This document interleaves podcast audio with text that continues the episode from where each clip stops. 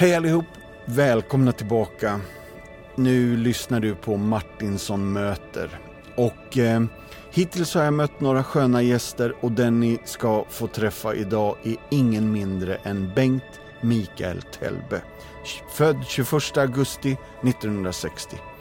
Han är docent och högskolelektor i Nya Testamentet på eh, ÖTH, Örebro teologiska högskola, tror jag det heter, något sånt där. Då.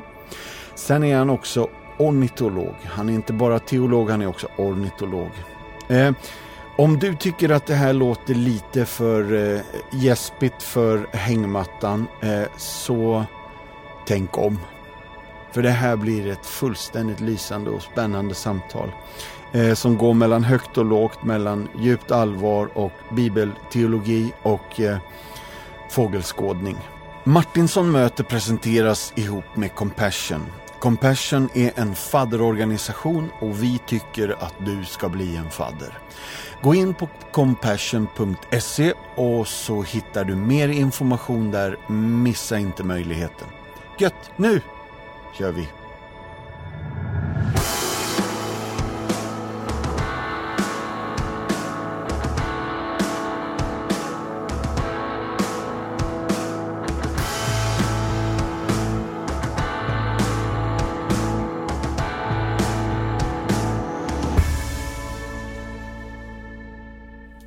Mina damer och herrar, då är det, då är det dags. Då är alla varmt välkomna hit och framförallt det största och mesta välkommet går till Mikael Telbe.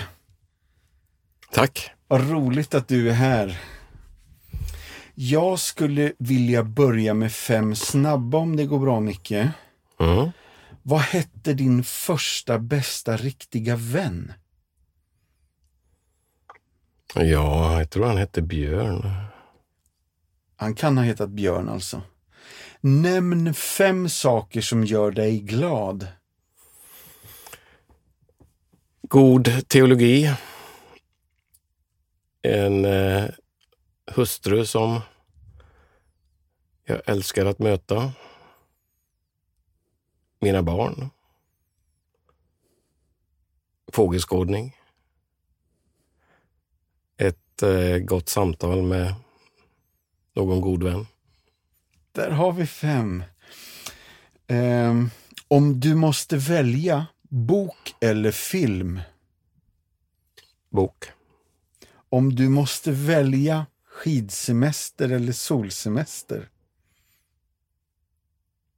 Den var svår.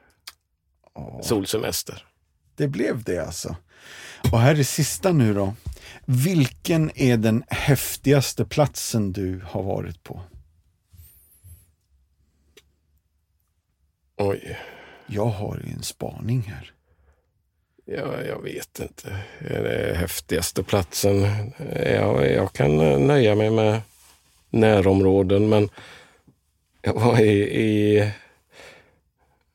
ja, jag får bara en flashback till två djungeläventyr. Ena var i...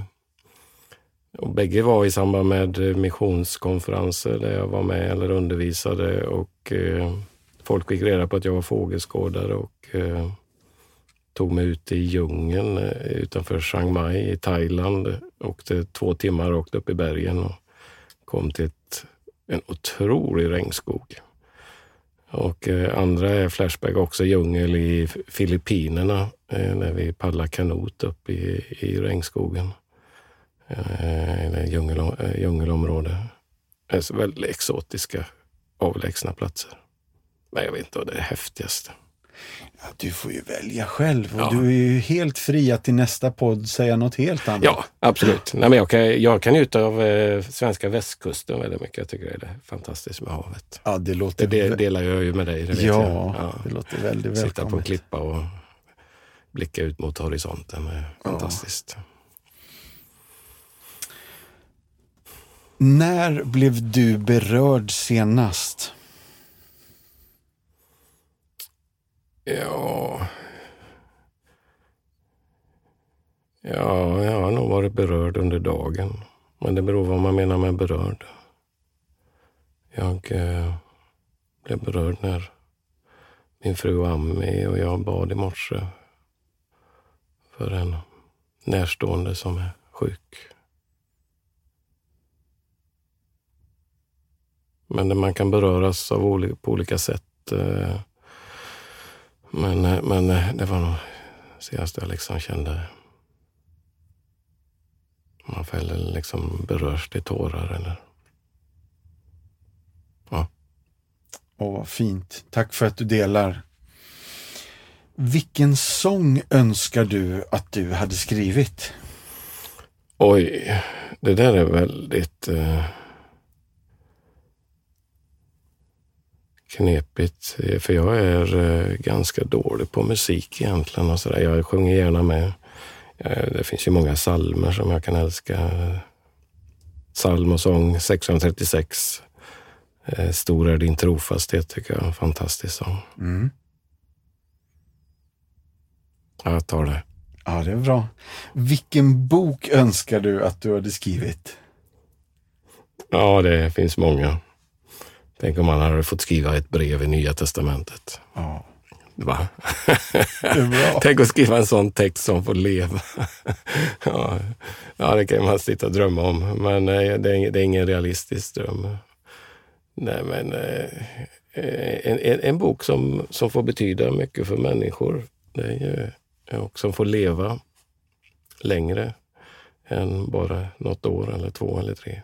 Mm.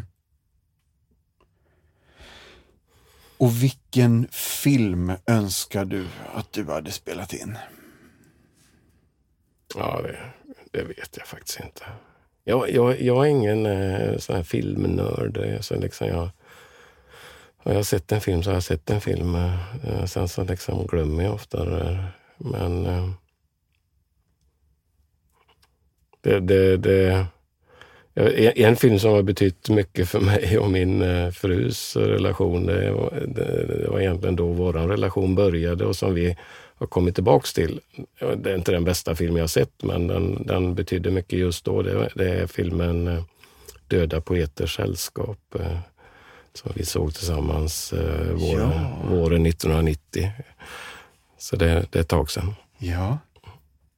Med Robin Williams i Precis. huvudrollen. Ja, ja, det är en väldigt speciell film. Och, Oförglömlig. Ja, ja, vad fint. ja, den har vi sett och eh, vår relation eh, började med den filmen. Det var då som vi liksom fattade att det var någonting med oss. Att, och det var på alla hjärtans dag 1990. Vi blev inte tillsammans då, men, men vi firar alltid alla hjärtans dag med att gå på en film tillsammans. Så vi har gjort det i 30 år i år. Eh, och eh, vi har en lista hemma på vilka filmer vi har sett från 1990 fram till idag.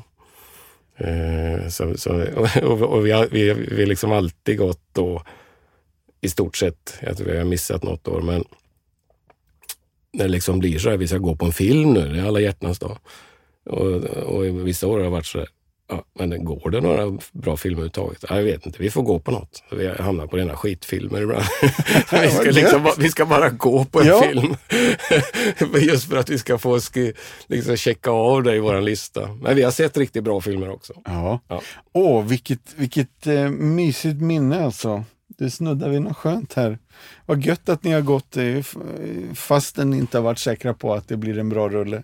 Ja, nej, Ja. precis. Men eh, det blir alltid en bra kväll på något sätt. Ja, Man kan ju få bra samtal utifrån dåliga rullar. just det. Gött. Den 21 augusti 1960. Bengt Mikael Tellberg, stämmer det? ja, det, det är jag det. Mm. Precis. Eh, Bengt efter pappa. Absolut. Mamma, vad hette mamma? Levan? Mamma heter Levan, ja. Ja, Precis. uttalar man det så också? Ja, ja, ganska Ja. ovanligt namn. Eh, hon fick det naturligtvis av sina föräldrar, men det var lite udda då också. Jag tror det är franskt namn egentligen. Hennes pappa är från Österrike och hennes mamma är svensk. Ja, för det var min fråga faktiskt, om det hade något med det franska Levain att göra. Ja, ja det har det. Precis. Ja, vad häftigt. Och det, faktum är att Levan, det finns, jag tror det finns två män i Sverige som heter Levan eller Levan. Så att det kan både vara ett eh, mans och kvinnorna, men de flesta, jag tror det är om det var eh, 30-tal eller vad det var i Sverige som hette det. Men det är ju kvinnor, men Just lite det. udda namn. Ja, jättehärligt. Mm. Och du växte upp i Borås. Ja. Så är det. Mm. Mm.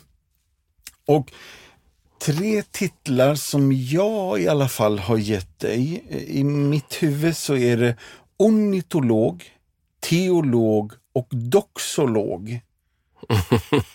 Skulle du bara vilja utveckla de tre? Du har redan snuddat vid några av dem. Men, eh, men bara utveckla dem lite grann för oss. Ja, den första är ju Eh, enkel och den andra är också hyfsat enkel. Eh, den tredje är ju mer eh, skum. Men eh, första handlar ornitolog. Jag, jag har ju hållit på med fåglar sedan jag var 13 år. Eh, mitt fågelintresse vaknade och sen så var det en period i tonåren och efter gymnasiet då, jag, eh, då det var mitt stora livsintresse och jag jobbade på fågelstationer med ringmärkning av fåglar. Då. Jag var tre perioder nere vid Otten vid fågelstation. Så det var ju mitt stora, stora eh, intresse eh, när jag var runt 18, 19, 20. Men så, så eh, hände saker i mitt liv som skakade om till viss del som gjorde att jag liksom började tänka i andra banor. Så mitt stora livsval var mellan att läsa biologi eller teologi.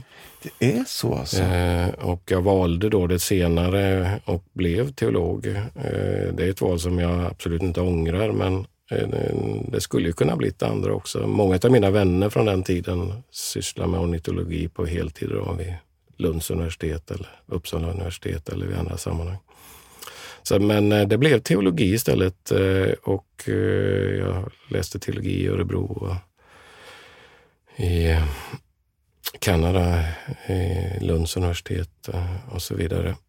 Mm. Den tredje titeln, eh, doxolog, eh, får du nog förklara. Jag, alltså jag vet ju vad doxolog och doxologi handlar om, nämligen ja. att ära Gud. Så att i den meningen så så är jag gärna en doxolog. Men det är ingen titel som jag, jag, jag tar eller identifierar mig själv och självklart vid utan att få definiera det. Men du hade väl en tanke antar jag? Ända sedan jag var ung har du och dina bibelstudier funnits med mig. Jag vill minnas att jag har varit på en lägergård i Rimforsa eh, sent 80-tal och Eh, då du la ut texter från första Korinthierbrevet tror jag. Och jag har minnen av detta och det här är ju länge sedan. Eh, och sen genom åren så har jag varit med när du lägger ut de här Alltså när topplockspackningen ryker på Paulus mitt i ett brev och han blir överlycklig till församlingen i Rom. De här texterna som blir Eh, som någon form av lovsånger. Jag har ett minne av att du har lagt ut det här flera gånger. Mm. Det är det jag tänker angående doxolog. Ja, ja, och det är möjligt att vi har mötts på eh, typ lovsångskonferenser och liknande också, eh, där det har varit det här temat med tillbedjan och lovsång och där vi har hamnat i de texterna. Ja, det är fantastiska bibeltexter där kanske Paulus eh, visar mycket av sig själv, hur han tänker kring teologi. Att eh, teologi är inte ett sätt att eh, fånga Gud i formler utan snarare att fångas av Gud. Eh, därför att hans bästa teologi brukar jag ibland säga leder till doxologi, det vill säga till tillbedjan, lovsång. Och jag uppmuntrar det, eller upprepar det för mig själv, men också till mina studenter ofta, att eh, god teologi leder till doxologi. Det vill säga, det lär oss att inte fånga Gud, utan fångas av Gud och liksom förstå att vi är insatt i något större, att eh, ja, tanken till och med svindlar. Eh, eh att kunna gripas av det här eh, stora, förundliga, drabbas av helig yrsel, eh, av att Gud är så mycket större, vackrare, djupare, barmhärtigare än vad jag riktigt kan gripa och famna. Där eh, identifierar jag gärna med doxolog, det vill säga att få gripas av det. För det är ju att ytterst få vara gripen av Gud med sitt liv. Mm. Och det tycker jag Paulus är ett väldigt gott exempel på, typ som du säger i Romarbrevet där han liksom bara kan Han gör det faktiskt vid fem tillfällen, eh, faller ut i, mitt i sin egen utläggning i en slags tillbedjan. Mm. Eh, ibland sker det när man inte alls är beredd på det. Det är inte det att han är på gång ett avslutat resonemang, han har knappt påbörjat det eller han är mitt inne i det och plötsligt så kommer ett Gud till pris, amen, eh, eller ja. någonting sånt där. Jag hade en uppsatsstudent i våras som jag satte just på att spåra amen-utsagorna eh, i romabrevet. Det finns fem stycken. Eh, där, frågas, där jag ville att han skulle utreda frågan eh, vilken funktion fyller amen-utsagorna hos Paulus. Amen är ju någon slags ske, så, som ofta finns i doxologier Eh, och han skrev en uppsats kring eh, just amen-utsagornas funktion i Paulus argumentation i Romarbrevet. Och han kommer till slutsatsen att de där är de där är väldigt vanligtvis eh, i Romarbrevet spontana och oförutsägbara och eh, vid två tillfällen ligger de ju som en avslutning på ett argumentation men, men vid de andra tre tillfällena så liksom bara kommer de som någon slags spontan riktning på hans eh, teologiska tänkande. Plötsligt så står han inför Gud och tillber. Mm. Det där är väldigt tjusigt tycker jag. Det är vackert. Jättefint. Vill du ge några fler exempel på sådana här? Efesierbrevet 1 kanske? Efesierbrevet 1 är ju kanske den mest klassiska ja. välsignelsen, eller doxologin. Och det är ju Efesierbrevet 1, vers 3 till 14 som är väldigt tjusigt uppbyggd med Fadern, Sonen, Anden i tre delar och varje del avslutas med Gud till pris och ära. Där är det verkligen. Eh, men eh, det, det är också en doxologi där som man eh, han börjar välsigna det, vår Herre Jesu Kristi Gud och Fader som har välsignat oss med all den andliga världens, eller himmelska världens andliga välsignelser. Och så börjar han utlägga det, så man tappar liksom, är det, vart är jag? Är det verkligen en tillbedjan där? Men rätt vad det är så börjar han be i vers 15 och mm. Och så är det en bön och så tappar man liksom, är det, ber du nu eller vad gör du? Och sen så börjar han be igen. och det där är en slags pendelrörelse i, i Efesierbrevet 1-3 mellan eh, här bön, tillbedjan, teologisk utläggning och ju mer han ber och tillber, ju mer tänker han teologi och ju mer han tänker teologi, ju mer ber han. Och så går det där mellan bön och, och, och teologi lite fram och tillbaks just i Efesierbrevet. Det, det, det, det, är lite Paulus puls i det som jag uppfattar det. Det vill säga att, att när vi tänker om Gud, när vi gör teologi så, så är inte bara det en tankeverksamhet som stimulerar vår nyfikenhet eller vårt intellekt någonting vi gör vid skrivbordet utan det är någonting som vill röra vid vårt inre, vid våra hjärtan och mm. vända oss rätt. Eh, och, och Paulus, när han faller ut i en av de här tillbeden, eh, doxologierna i Romarbrevet 1, och eh, det är väl intressant att lägga märke till, så har ju han precis pratat om människans problem. Eh, nämligen att människan är felkrökt i sin tillbedjan. Hon tillber skapade istället för skaparen. Eh, och, så, och, så, kan han säga det där och så faller han ut i, i tillbedjan till skaparen. Eh, och, och det där är ju det där är mitt problem och det är, det är hela mänsklighetens problem, säger Paulus, att vi är, vi är så böjda till att tillbe annat än Gud själv. Mm. Eh, eh, vi finner vår tillfredsställelse i, i, så mycket annat än Gud som egentligen ska vara den vi tillber med våra liv.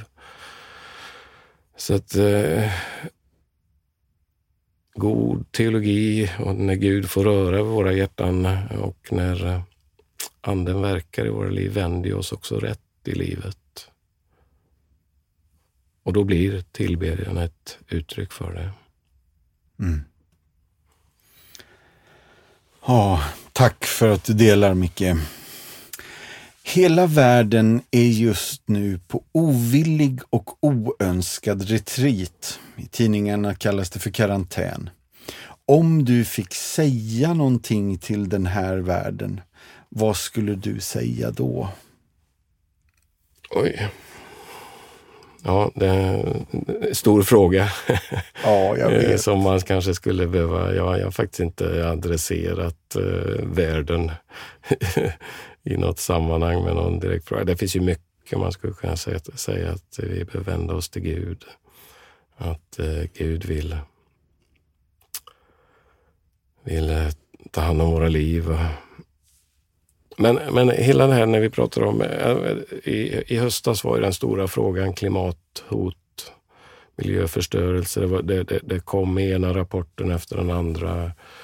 Och nu är det, nu hör man inte mycket kring det. Nu hör vi om det här med corona. Eh, för mig hör ju det där samman väldigt tydligt. Ja. Ehm, nämligen av en skapelse som inte mår bra. Vare sig vi pratar om eh, klimathot, på smälta, smältande polarisar, eh, översvämningar, naturkatastrofer och här har vi en pandemi är ju, något, är ju ytterst eh, ett tecken på att skapelsen mår inte bra.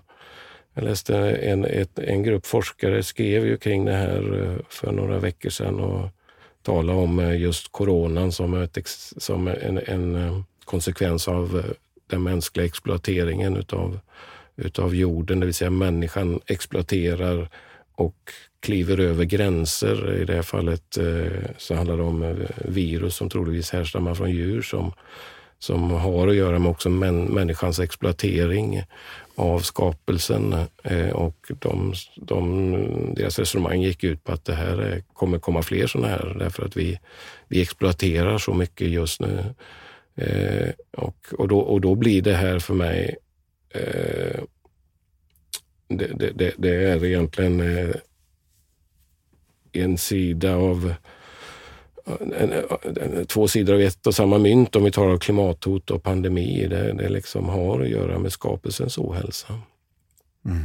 Eh, och de, de här frågorna engagerar mig som teolog naturligtvis. Eh, eh, jag får ju ofta, och har fått det de här veck, senaste veckorna också kring, i och med att jag har hållit på och skrivit en del kring Uppenbarelseboken och eh, eh, finns de som till och med har skickat mig uträkningar på att corona kan skrivas om eh, till siffervärde 666 eh, och så håller man på och spekulerar Aha, tidens slut och så vidare. De har kommit dit? Här. Ja, ja, ja absolut. Ja. ja. men faktum är att tar du ordet corona Ja, nu inte, jag, jag, tar inte det här för att jag tror på det, men den uträkning jag hittat, corona, i, alltså när man, när man gör siffror av ord så gör ju man det utifrån det vi kallar för ge, ge, gematri. Eh, och då får ju A är lika med 1, B lika med 2 och så C 3 mm. och så mm. kommer det 10 så börjar du räkna 20, 30, 40 och så vidare. Så corona blir faktiskt 66. Just det. C är lika med 3 och så vidare. Eh, och det är sex bokstäver i corona och det får du en sexa till. Ja, med 666. Så det är därför, sådana frågor har jag fått eh, och jag får det ganska regelbundet. Men, men du sa inte katolska kyrkan samma sak för 500 år ja, sedan? Ja, ja, men, ja, men det finns ju massor med saker. Ja. Jag menar, ta det här med när Trump kom till makten, många grejer jag fick kring det där. Ja. Ena dagen fick jag fråga om eh, han inte är Gud. Hans, hans siffervärde är ju 777. Därför att han var 70 30 år och sju månader och sju dagar när han svor presidenteden. Ja. Dagen på fick jag en annan fråga. Är inte det här eh, vilddjuret själv? ja. men, så, men, folk håller på att spekulera kring det här. Men, ja. men, men eh, när det gäller corona så kan jag föra det till Uppenbarelseboken, men då handlar det mer om skapelseteologin därför att Uppenbarelseboken skildrar en, en skapelse, en uh, värld som mår allt sämre, som faktiskt har att göra med det vi pratar om uh, kring doxologi, nämligen människans uh, bortvändhet, människans förvrängdhet i tillbedjan, att människan, människan tillber sina bilder, sig själv, mm. mer än Gud och, och exploaterar en skapelse. och det genomgående temat i Uppenbarelseboken handlar ju om att människan manas till att vända om till sin skapare. Gud presenteras som skaparen i Uppenbarelseboken 4. Och en skapare som inte har vänt eh, en, en orolig värld ryggen utan sträcker sig mot sin skapelse. Eh, och eh, sträcker ut sina armar genom lammet, eh, genom det lidande lammet eh, som uppenbarar Guds närvaro eh, i en lidande värld. Eh, och Uppenbarelseboken är för mig en, en text som handlar om hur skaparen söker, söker sin eh, skapelse, söker mänskligheten, eh, alla stammar, länder, språk och folk eh, och vända dem rätt i tillbedjan. Därför så finns det så mycket tillbedjan i Uppenbarelseboken. Det, det, där, där har vi den här doxologin som vänder människan rätt mm. i livet. Eh, så att, eh, och, och, och, det här med den, den situation vi är i, det, jag tror att det, det får oss att stanna upp och reflektera. Vi får mycket mer tid att fundera. Vad är, det, vad är det vi gör med våra liv? Hur ser världen ut? Eh, vad är vårt ansvar? Jag tror det väcker mycket frågor hos människor. Någonstans så står Gud där och ropar till mänsklighet om att vända sig till honom i tillbedjan. Mm. Nu är vi där igen. Ja, det är bra. Ja. Vänner, nu är det dags för reklamavbrott. Men det är inget reklamavbrott. Jag vet att jag förvirrar er, men här kommer det nu då. Jag tycker att hela Sverige borde bli faddrar. För 310 kronor i månaden kan du rädda ett barn ifrån fattigdom i Jesu namn. Jag vill ge dig tre argument till varför jag tycker att du ska bli fadder. Att du hjälper ett fadderbarn, det är ett personligt och övertygande sätt för dig att bekämpa fattigdomen i världen. Och när du hjälper ett fadderbarn så sätter du ett ansikte och ett riktigt, ett verkligt namn på din kamp mot fattigdomen i världen. Och nu kommer sista argumentet då. Enligt oberoende forskning så har fadderbarn större chans att påbörja, fullfölja och avsluta en god utbildning och det innebär för det barnet en bättre framtid och ett djupare hopp. Alltså inte bara för barnet utan även för barnets familj. Om du bestämmer dig för att vilja hjälpa ett fadderbarn så vill jag gratulera dig. För du hjälper världen att bli en bättre plats. På www.compassion.se så finns det fadderbarn som väntar på dig. Nu återgår vi till eh, samtalet. Gött friends! Eh, jag tror att det var sent 70-tal, tidigt 80-tal. Missionskyrkan i Borås hette Immanuelkyrkan va?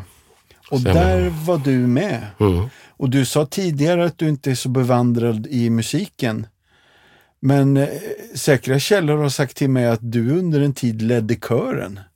Nej, det gjorde jag aldrig faktiskt. Eh, det skulle jag aldrig klara. Däremot så började jag lära mig spela gitarr och ledde lovsång i Aha. början på 80-talet. Men led, lett någon kör, det har jag faktiskt aldrig gjort. Det gjorde du aldrig? Nej, så där vet jag inte vad du har för källor. Nej, men du, det, var, det var inga säkra källor till detta då. Ja. Men du, eh, mamma Levan, pappa Bengt, de var, pappa var knalle va? Ja, kan man säga. Han var, ja. ju, han var ju affärsman i Borås. Var det också så att ni bodde en tid i USA och då var pappa butler och mamma var hushållerska? Ja, fast det var, det var innan, innan vi barn kom till världen. Det var när de, de gifte sig i Kalifornien och eh, efter ett tag så bosatte de sig i New York och då jobbade pappa som butler och mamma var hushållerska. Underbart! Ja, de, de bodde i en, i en miljonärsfamilj där i, i eh, societeten i, i New York och jobbade där. Just Och det. eh, de, hade nog, de var inriktade på att bo kvar i USA. Ja. Min mamma är ju född i USA, i Kalifornien. Och, eh, eh, men det var ju 1954 bröt Koreakriget ut och pappa blev inkallad och då valde de att återvända till Sverige. Just det. Det var så på den tiden att eh, alla som, även icke-amerikaner kallades in till eh, armén. Ja, märkligt. att, ja, det var... Mm.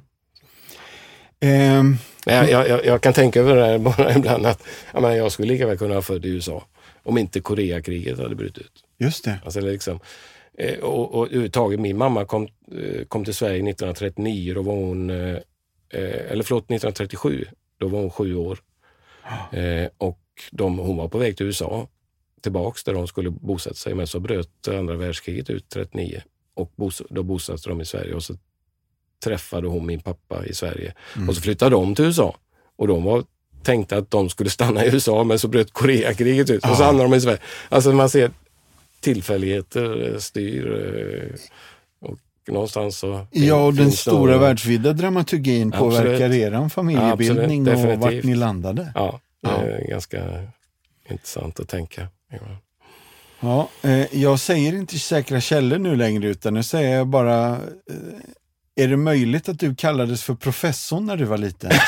Jag vet inte vem du har pratat om, men nu, ja, det fanns väl en och annan som gav mig den. Eller mamma och titeln. pappa tror jag va? Ja, det kanske det var. Eller Ja, någon, någon, någon, För det gick ju bra i skolan. Ja, det gjorde väl. De tyckte jag var lite disträ ibland. Det kanske var Ja. det också.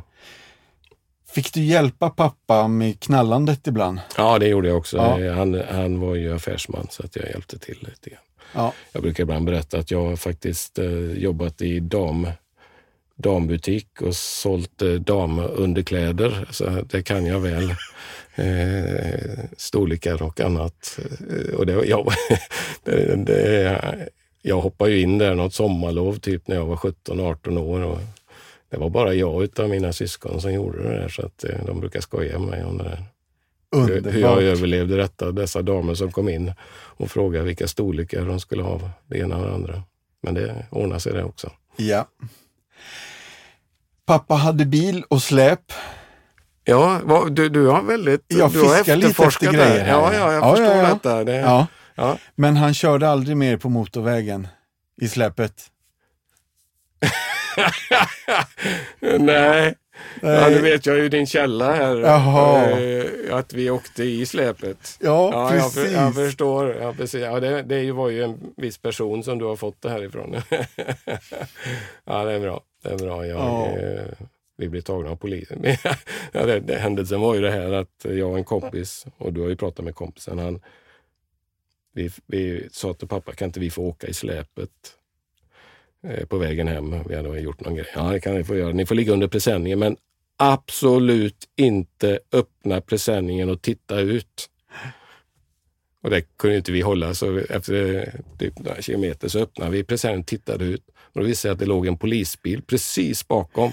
Och vi tittade ut och lyfte på presenningen med två huvuden som stack upp där. Och det, det var ju blåljus direkt. Ja. Jag fick banner när vi kom hem för det där. Ja, jättebra. Men du kan hälsa din källa att, eh, Ja, att jag minns det väl och att eh, det där det var helt korrekt. ja. Sen hamnade du på Flahults bibelskola. Ja, 1973. Eh, Var det så tidigt? Ja. Var det Stig och Georg som hade Absolut. hand om den? Ja, ja, absolut. Det var så? Ja. De, de där åren på Flahus bibelskola, det var ju en ungdomsbibelskola. Jag var 13 år när jag kom dit. Jag döptes efter första året. Men eh, de åren, eh, det var ju två och en halv vecka, två och en halv, tre veckor man var där. Men det var väldigt fokus på bibelundervisning och bi, att memorera Bibeln. Vi memorerar ju långa avsnitt, Jesaja 53 och Romarbrevet 12 och eh, 20-30 bibelversar och sådär. Och det där kan ju sitta fortfarande vissa delar av, hos mig. Men jag har jätte, det har präglat mitt liv mycket, det här eh, fokuset på Bibeln och eh, att sätta Bibeln högt och eh, att lära sig avsnitt i Bibeln utan till och sådär. Mm. Eh, Och Stig och Georg var ju legender inom den här genren med tonårsbibelskolorna. Absolut. De höll ju på i många år. Stig alltså. Svensson och Georg Davidsson. Ja.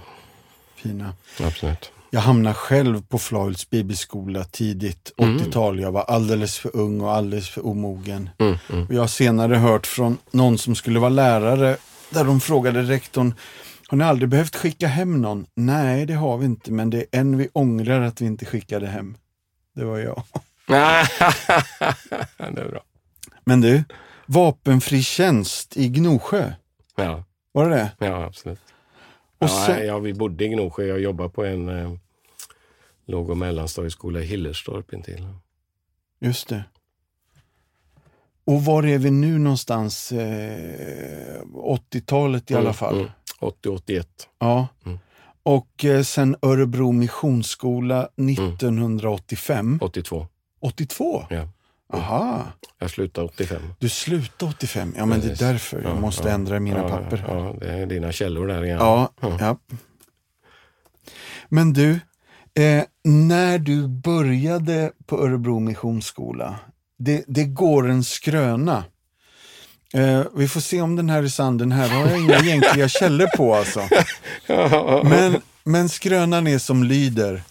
Någon som skulle börja på Örebro Missionsskola satt i den här cirkeln första dagen då alla elever skulle presentera sig och de gör det och säger sitt namn och vilket samfund de kommer. Och när det kommer till en elev så säger han sitt namn och när han har sagt det så säger han jag är så glad för ekumeniken här, själv kommer jag från Jehovas vittnen. Är det här du Som säger så? som säger så? Nej, Det är nej. inte du. Nej, men skrönan eh, den stämmer eh, men ändå inte riktigt sammanhang utan det var första dagen vi började på skolan 1982 där så um, satt jag och pratade med en kille på fikarasten. Mm.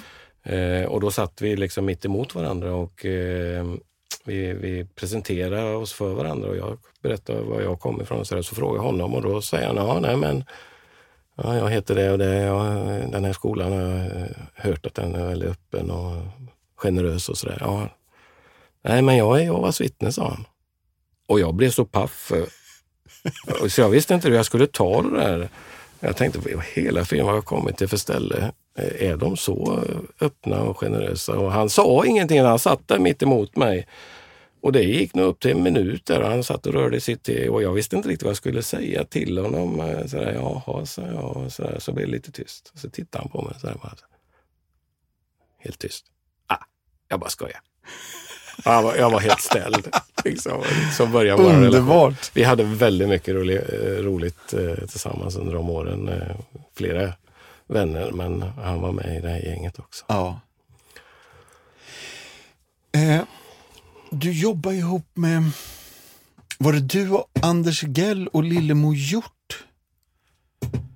Ehm, någon skolevangelisation i Borås? Ja, eh, Anders Gell var inte skolevangelist i- eh, då, eh, utan det var en annan kille. Men vi var tre stycken, eh, Lillemor och jag och den här tredje killen, Mikael Persson, eh, som jobbar som skolevangelister. Just det. Men sen dess har eh, Örebro Missionsskola blev det och sen blev det Vancouver, Kanada. Mm. Eh, men sen har du hållit dig här i Örebroområdet. Ja, vi flyttade tillbaka. Jag, innan jag, eh, alltså efter jag hade gått, läst teologi tre år på skolan, jag läste in ett fjärde år, så jobbade jag som ungdomspastor. Sen började jag jobba som timlärare samtidigt på Örebro Missionsskola. Eh, och sen så fick jag heltidstjänst 1989 och efter två år så sa rektorn till mig att eh, du, jag ger dig tjänstledigt två år. Det enda jag begär av dig är att du kommer tillbaks med en examen som är högre än de studenter som du undervisar vardag till vardag. Så att jag fick tjänstledigt och vi var på väg, vi var på väg till Schweiz då. Vi var nygifta med jag. Men eh, genom förunderliga, förunderlig Guds vägledning så hamnade vi i Kanada istället. På Regent College Ja. eh, i Vancouver där jag läste teologi. Eh, och sen när vi kom tillbaks efter två år därifrån så eh, fortsatte jag undervisa och sen började jag forska och fick en doktorandtjänst vid Lunds universitet. Just det. Så att jag, jag har ju varit i, på skolan eh, som lärare i drygt 30 år, men jag har gjort andra saker vid sidan om också. Eh, jobbat i församling, haft eh, under en tioårsperiod eh, forskartjänst vid Lunds universitet i olika former. Eh, jag, jobb, jag har jobbat i sex, sju, åtta år för eh, Svenska Bibelsällskapet med bibelöversättningsfrågor. Mm. Så jag har gjort, skolan har hela tiden varit min bas för saker jag har gjort, men jag har gjort andra saker vid sidan om också. Och under hela den här tiden så har det varit ett flitigt författarskap samtidigt. Ja, flitigt och flitigt. Jag skriver. Du skriver ju jättemycket och bra. Ja. Vet du hur många böcker det har blivit? På ett ungefär? Ja, jag har skrivit nio böcker eh, och jag har medverkat i ytterligare eh, kanske 20 böcker och sen är mycket artiklar och recensioner. Mm. Många av dem har ju rört sig kring yttersta tiden eh, och Uppenbarelseboken. Ja, många och många. Det är två stycken. Ja. Mm. Ja, just det. Det är någon, vad heter det när man gör en remake på en bok? Mm. Ja, eh, ett, Lammet och odjuret kom ja. ut 97 och sen ja. kom den ut igen. Ja, den kom efter 20 år så eh, hade den så, sålt så bra under de här 20 åren så att eh, vi gjorde en, ett nytryck där jag jobbade om och framförallt la till material. Ja, den var ju nästan dubbelt så stor va? Ja, det, nej dubbelt var den inte, men vi satte den lite grann i annat format och så ja. också så gjorde att den blev mer, men den blev också mer, lite mer luftig. Men vi gjorde nya bilder och jag skrev till ett kapitel och la till ytterligare text. Ja. ja, det här har varit väldigt viktiga böcker och formerande böcker för kristenheten i Sverige.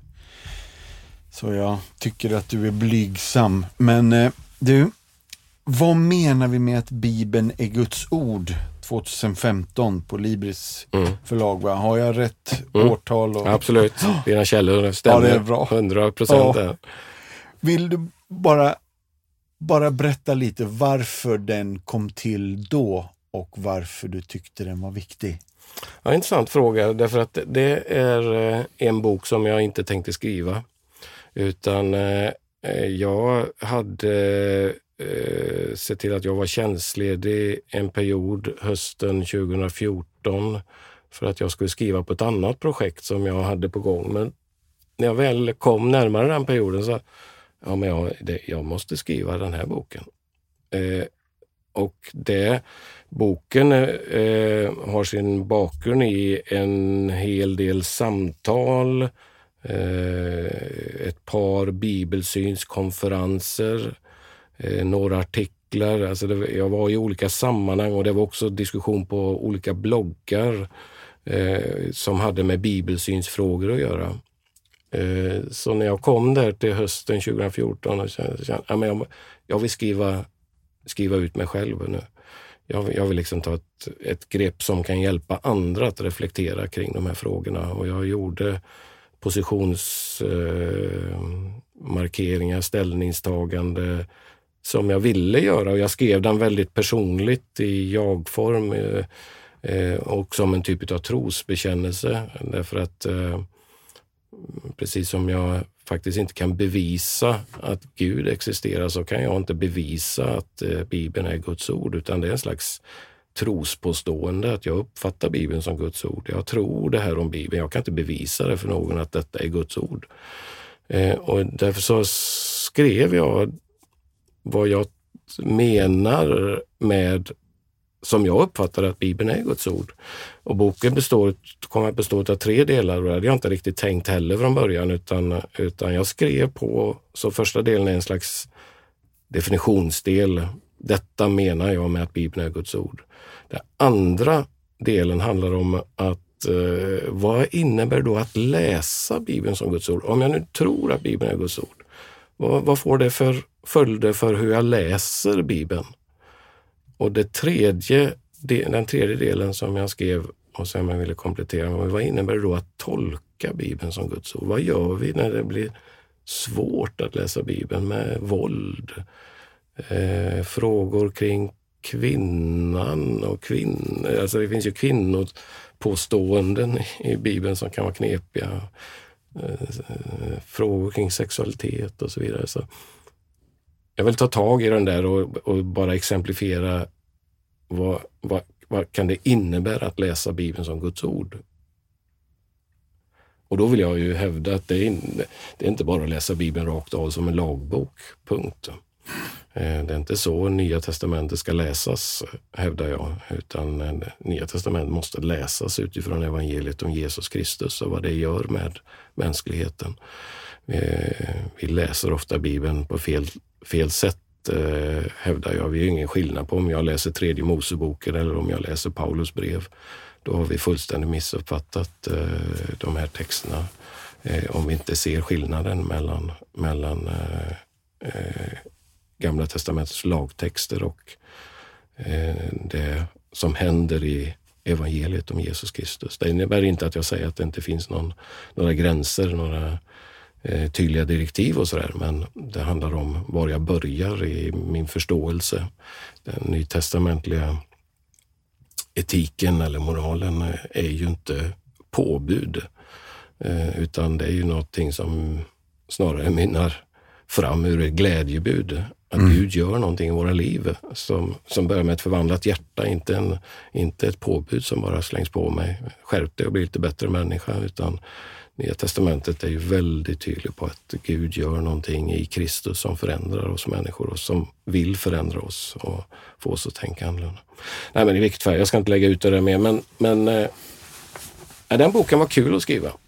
Alla mina böcker, eller alla, min låt jag har skrivit hur många böcker som helst, men alla, alla, mina nio böcker har varit kul att skriva. Mm. Och den tionde jag håller på med nu, den är jättekul att skriva också.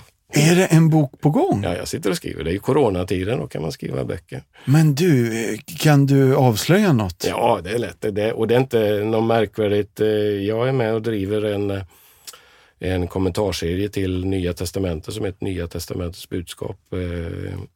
Som totalt ska bli 17 volymer. Vi har gett ut 13 volymer. Och ni har precis gett ut Matteus evangeliet ja, stämmer, I dagarna? Ja, det kommer här i maj. Och eh, jag har skrivit en del redan där på första Korinthierbrevet och nu sitter jag och skriver ytterligare en del som eh, eh kommenterar det vi brukar kalla för pastoralbreven, första andra Timoteusbrevet och Titusbrevet. Ah det är superroligt. Då. Ja, spännande. Ja, det är jättekul. Mm. Du, vi ska strax avrunda, men vi måste bara ta några minuter med den senaste boken Paulus mot väggen. Mm. Vill du bara ge en kort eh, bakgrundsanledning till den? Ja, den boken har funnits i mina tankar ett antal år. Jag, genom mitt jag, jag, jag, skriver en del akademiskt, har skrivit mer akademiska böcker utgivna på mer forskningsinriktade förlag eh, utomlands. Men när jag skriver eh, på svenska så skriver jag med en övertygelse om att jag vill skriva så att människor utanför akademin kan förstå eh, det som rör sig inom akademin och göra det relevant. Det vill säga försöka skriva teologi för, för eh, vanliga lekmän, eh, församlingsfolk och sådär. Och då gick jag och tänkte på, jag, jag, jag har skrivit en bok om Paulus tidigare som heter Med, med framtiden i ryggen, eh, en, en guide till Paulus eh, bakgrund och eh, budskap. Mm. Och jag ville skriva någonting som var lite mer teologiskt inriktat och tog tag i Paulus teologi och hur ska man göra det på något vettigt sätt? Och då fick jag tanken att ja, man kanske helt enkelt ska väl prova, liksom, ta tag i de här lite tuffare frågorna eh, och ställa Paulus mot väggen. Eh, och jag började skriva på det här i jag vet inte vad som får i mig. Jag, jag testade ett kapitel i alla fall och skriva i jag, jag-form, alltså som att Paulus skulle svara själv på frågan. Jag mm. ja, men det, blev, det blev inget bra. Det, det, det, det, nej. Så jag skrotade det och så började jag skriva. Jag, jag, jag, började, jag hade tolv frågor som jag ställde till Paulus. Vad var det för fel på judendomen? Tänkte du verkligen skapa en ny religion? Vad hade du emot kvinnor? Var Paulus sexualfientlig? Eh, alltså jag hade ett antal sådana här lite eh, hot issues som, och frågor som jag mött genom åren när jag undervisat om Paulus. Så jag började med det där och eh, hade de där frågorna och efter ett tag så noterade jag att det blev 15 frågor. Och sen blev det 16 frågor och så blev det 17 frågor. jag måste sätta stopp på det här. Och så hade jag deadline, ett datum. Och jag tror det var på måndagen och på fredagen så kom jag till insikt, jag måste ha med den här frågan också. Så jag sa till min fru, du kan få låsa in mig på, på mitt rum eh, lördag, söndag. Jag ska skriva ett kapitel till innan jag lämnar in det här manuset. Så det blev en artonde fråga. Innan. Ja. Och ja, det var nog tur jag hade deadline, annars hade det liksom bara plockat på och blivit hur mycket som helst. Men det blev 18 frågor på drygt 400 sidor så det fick räcka. Ja. Men eh, men eh, den, den, boken var också jättekul att skriva. Den skrev jag ganska intensivt. Eh, jag brukar säga att jag skrev den boken på på eh, några månader. Men i själva verket var det, eh, är det undervisning och fors, min egen forskning och, och eh, samtal och sådär som har format mig under 30 år som jag skrev ut i text. Ja. Så att um, det, det, var kul och viktigt för mig själv att göra det. Mycket. Vi är så tacksamma att du har tagit dig tid att skriva det och vi är så tacksamma att du har tagit dig tid att komma hit idag. Eh, innan vi avslutar bara, finns det ett bra fågelskådningstips som du kan ge oss? Vart ska vi åka? Måste man ha dyr utrustning? Eh, ja, jag har en fråga till, eh, till följd på detta, men eh, Ja, eh, mitt, mitt bästa tips eh, som jag säger till folk när, eh, när de vill börja lära sig fåglar, det är börja vid fågelbordet i januari, februari. Och försök att lära känna igen de där fåglarna vid fågelbordet, för då är det inte så många. Eh, det är väldig skillnad på svensk fågelfauna i januari och i där vi är just nu, runt midsommar. Mm. Det är en, en extrem skillnad i antal fåglar du kan se. Eh, börja där och börja i februari när de där stannfåglarna som vi kallar dem för, när de börjar sjunga. Och plocka upp eh, några läten och sen så lär du dem och så bygger du på eh, i mars, april. Det kommer bli fullständigt kaos i april, maj, juni för dig. Men, mm. men du måste börja någonstans. Och eh, eh, jag uppmuntrar alltid, ska, vill du bli en duktig fågelskådare så häng på den som kan så går det så mycket snabbare. Eh, och få tips och eh, hjälp. Eh, att lära sig fågelläten behöver ju en fågelskådare göra, men också att kunna urskilja läten. Att när det är 20 fåglar som sjunger samtidigt i maj, juni, eh, eller 10 eller vad det kan vara, att liksom kunna lägga bort de där 14 andra och koncentrera sig på den 15. Det där, eh, det där kräver lite erfarenhet och sådär, men då måste man kunna de där andra för att lägga bort resten och liksom bara snappa upp den där. Just det. Men det där är någonting som tar tid att lära sig, men man måste börja med de här få enkla fåglarna och läten. Underbart. Eh, vi skippar min sista fråga, men utrustning då? Behöver man en sån där gigantisk kikare? Nej, absolut inte. Börja, börja i din trädgård, börja i din närhet eh, och börja med en enkel kikare. Alla kan göra det. Man behöver inte köpa... Alltså, alltså ta det här med kikare. Jag har ju hållit på att skåda fåglar i nästan 50 år i mitt liv. Mm. Eh, är ju en enorm explosion på, på utrustningssidan. Ja. Vi var runt med enkla kikare som inte kostar så mycket. Idag kan du ge för en handkikare 20-25 000, en tubkikare uppåt 40-50 000. Ja. Alltså det, det fanns ju inte på kartan. Det fanns inte ens det sortimentet. Vi hängde runt med japanska Kova-kikare de flesta av oss. Det liksom fanns i stort sett bara ett märke alla körde med rakt av. Men eh, idag är det en är så skillnad på tekniksidan. Och det är ju som typ med kameror och allting annat. Och datorer och Ja. allt vad det är. Vi, vi, vi, svim, vi, vi, vi, vi, vi drunknar ju i utbudet. Men du, tack snälla Micke för att du tog dig tid. Det Ja, här men var kul. otroligt mysigt. Ja, kul att vara här och kul att Ja. prata med dig. Och eh, du får väl eh, gå till botten med dina källor här. På Jag ska göra det. Jag ska göra det. Ja, de får en spännande sommar. det är bra. Gött du. Tack, Tack ska vi hörs. Hej. Tack alla för att ni har lyssnat. Om det fanns intressanta detaljer i podden som du vill kolla upp, till exempel referenser till sånger, böcker, filmer. Alla de grejerna finns helt enkelt på compassion.se.